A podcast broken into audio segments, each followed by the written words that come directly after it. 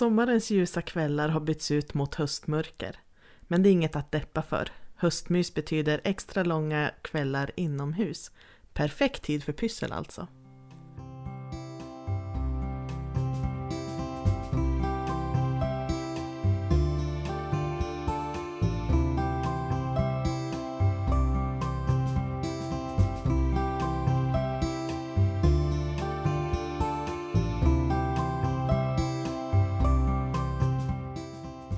Lyssnar på systrarnas pysselpodd.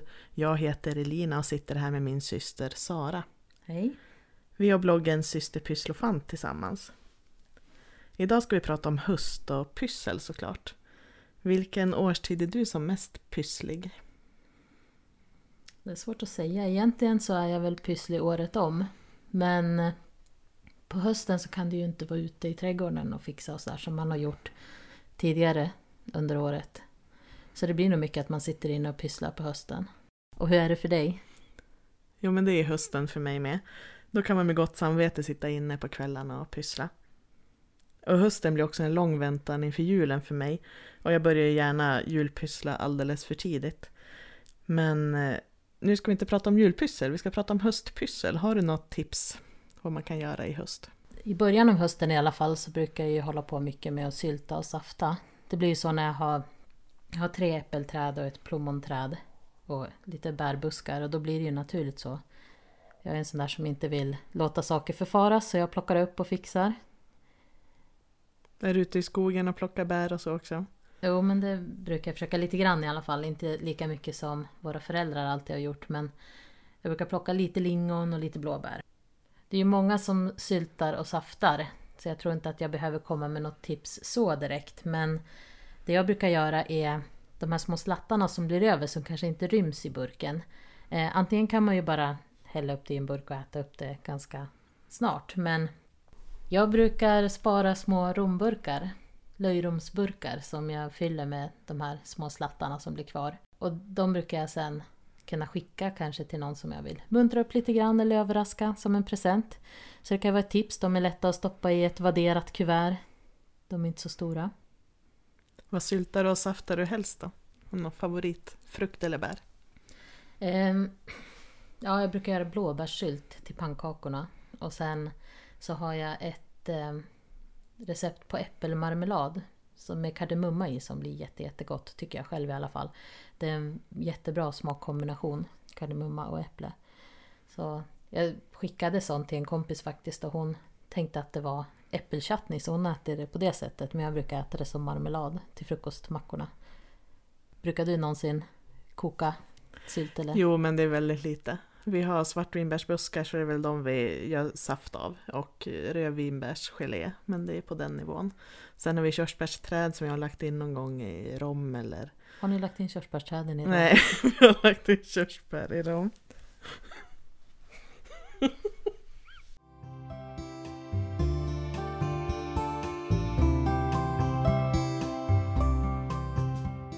Annars är hösten mycket att jag vill tända ljus. Och då har jag tips på att göra ljuslyktor. Det kan man göra av glas eller gamla vaser, glasburkar, ja vilka glas som helst egentligen. Vad gör du då? då? Jag brukar ha flaskor med ljusslingor. Och nu har jag sett att det finns ljusslingor där batteriet sitter i själva korken så att det är ingen sladd som hänger utanför flaskan. Det har faktiskt inte jag sett. Men det kan ju vara bra för att annars när jag har testat att göra någon gång så finns ju som du säger det här batteriet eller batteripaketet synligt. Mm, och för stort att stoppa in i flaskan. Mm. Och så är det ju bra att det finns timer också tycker jag. Om man vill ställa flaskan eller burken högre upp i någon bokhylla. Och för att pynta till den här flaskan så kan man ju måla med glasfärger eller dekopage av fina servetter eller till och med löv skulle man kunna limma på höstlöv. Det håller ju inte så länge men i alla fall för hösten. Dekopage är snyggt, kan vara snyggt i alla fall, men jag tycker det är så svårt. För om inte burken eller glaset är helt rakt utan att det är lite smalare upp till eller då blir det en massa väck. Jag vet inte, har du något tips på hur man lyckas med det? Nej, jag får också väck, men det är väl det att man ska välja en servett där de inte syns så tydligt. Eh, ganska ljus, man tar ju bara översta lagret av en servett och eh, ljusa servetter funkar bättre, då ser man inte veckan lika tydligt. Mm. Ja, för mig är ju hösten också mycket det här med att tända ljus och försöka skapa lite ljus inomhus för det är ofta mörkt både när man åker till jobbet och när man kommer hem. Eh, och jag har testat att göra ljuslyktor där jag spraymålar. Eh, först har jag sätter jag fast en liten spets runt. Ja, det, det, jag kan använda vilken burk eller glas som helst egentligen men sätter fast en liten spets, inte en alltför stor tejpbit på för då kommer det att synas sen. Och sen spraymålare med silver till exempel. Det blir ett ganska fint sken faktiskt. Och det, det blir som ett litet mönster av den där spetsen sen när man tar bort den. Mm. Jag har också testat att bara limma på spets som den är. Svart spets kan bli ganska fint. Återbruk av ljusstumpar är också ett bra tips. Eh, speciellt blockljus får man ju mycket stearin kvar när, man, när det har brunnit upp. Eh, smält ner alla ljusstumpar du har.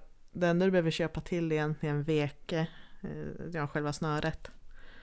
Och man kan också köpa hållare att ha i botten av det nya ljuset. Men man kan också ta en skruv eller en spik eller någonting och knyta fast snöret så att det håller snöret rakt ner i botten när man häller på det smälta stearinet.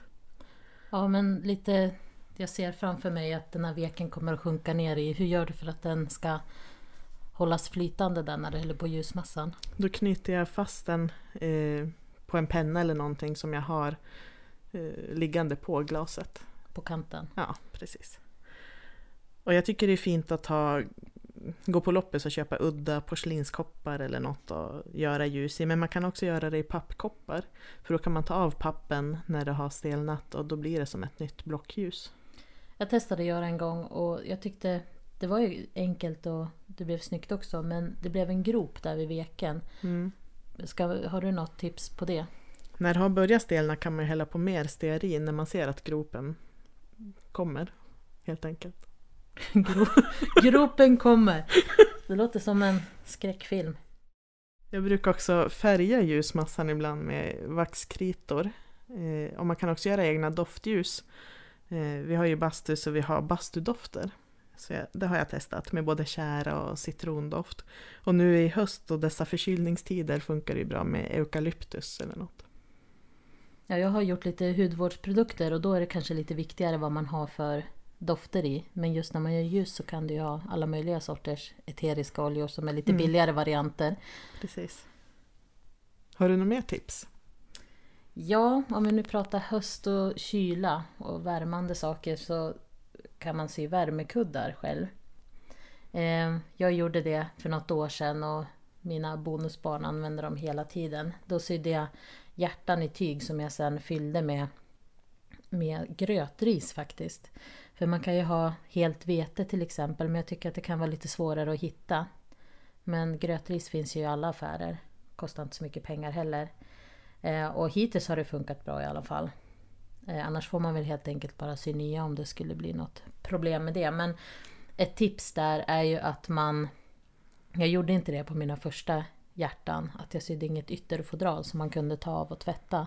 Och eftersom barnen använde dem så mycket så kändes det som att det kanske vore fräschare. Så jag ju får göra en, fick göra en ny variant. Vetekuddar är jättebra. Jag har ofta ont i mina axlar för jag sitter och jobbar vid en dator hela dagarna. Det är jätteskönt att lägga på något värmande när man blir stel. Mm. man får väl testa lite grann hur länge man ska mikra, mikra sin kudde. Nu har jag sytt ganska små. Eh, och då behöver man ju inte ha mer än max en minut. Så man får hålla lite koll så man inte drar på för mycket. Mm. Något annat värmande vid höst är ju att man stickar och virkar och jag skulle ju önska att jag var bra på att sticka men jag är helt värdelös där. Eh, virka är jag lite nybörjare på och jag har hittat en halsduk som kommer vara mitt höstprojekt. Men, men du stickar väl och virkar väl en del? Ja, det gör jag men jag, jag är inte heller någon stjärna på det direkt. När det är stickning så är det mest att jag stickar raka stycken som halsdukar och så. Eh, virka, där kan man ju göra jag brukar kunna virka lite mindre saker som snöflingor har jag gjort eller blommor eller hjärtan eller sånt. Mest som dekoration. Och det är ju inget... Jag tappar lätt tålamodet om det är något större projekt. Så jag slutför dem aldrig. Jag har flera påbörjade stora virkningar och stickningar. Ja, det är samma här. Men vår mamma är jätteduktig på ja, att sticka. Ja, otrolig. Hon, håller Eller på, hon stickar mycket såna här mönstrade vantar, sånt som jag aldrig hade haft tålamod eller förmågan att göra tror jag. Mm. Man måste ju träna i och för sig då men nej hon är jätteduktig. Men det känns ju som ett väldigt bra höstpyssel när man sitter i soffan på kvällarna. Och jag skulle önska att jag var bättre. Nu är det ju oktober och halloween månad. Vi har inte ens kommit in på halloween som är något som många höstpysslar just nu. Eh, Du är inte så mycket för halloween. Nej, jag har faktiskt aldrig, förutom någon enstaka halloweenfest något år så eh, jag pysslar egentligen aldrig sånt. Jag vet inte varför. Det känns inte som någon naturlig högtid för mig att fira. Men du har väl provat lite grann? Ja, jag tror att det blir... Fast, fast det är ju på en barns nivå. Jag skulle nog inte ha gjort det utan min son. Eh, Jag är inte så mycket för det här att man ska skrämmas eller göra att någon blir rädd. På riktigt. Däremot så har vi gjort eh, lite sötare eh, spindlar av kottar och fladdermöss med glasspinnar. Eh, det kan ni ju se på vår blogg. Lite tips.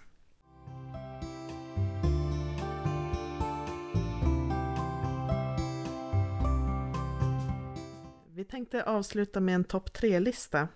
Och idag tänkte vi prata om inspirerande personer. Du tyckte den här listan var lite svår att göra? Eller?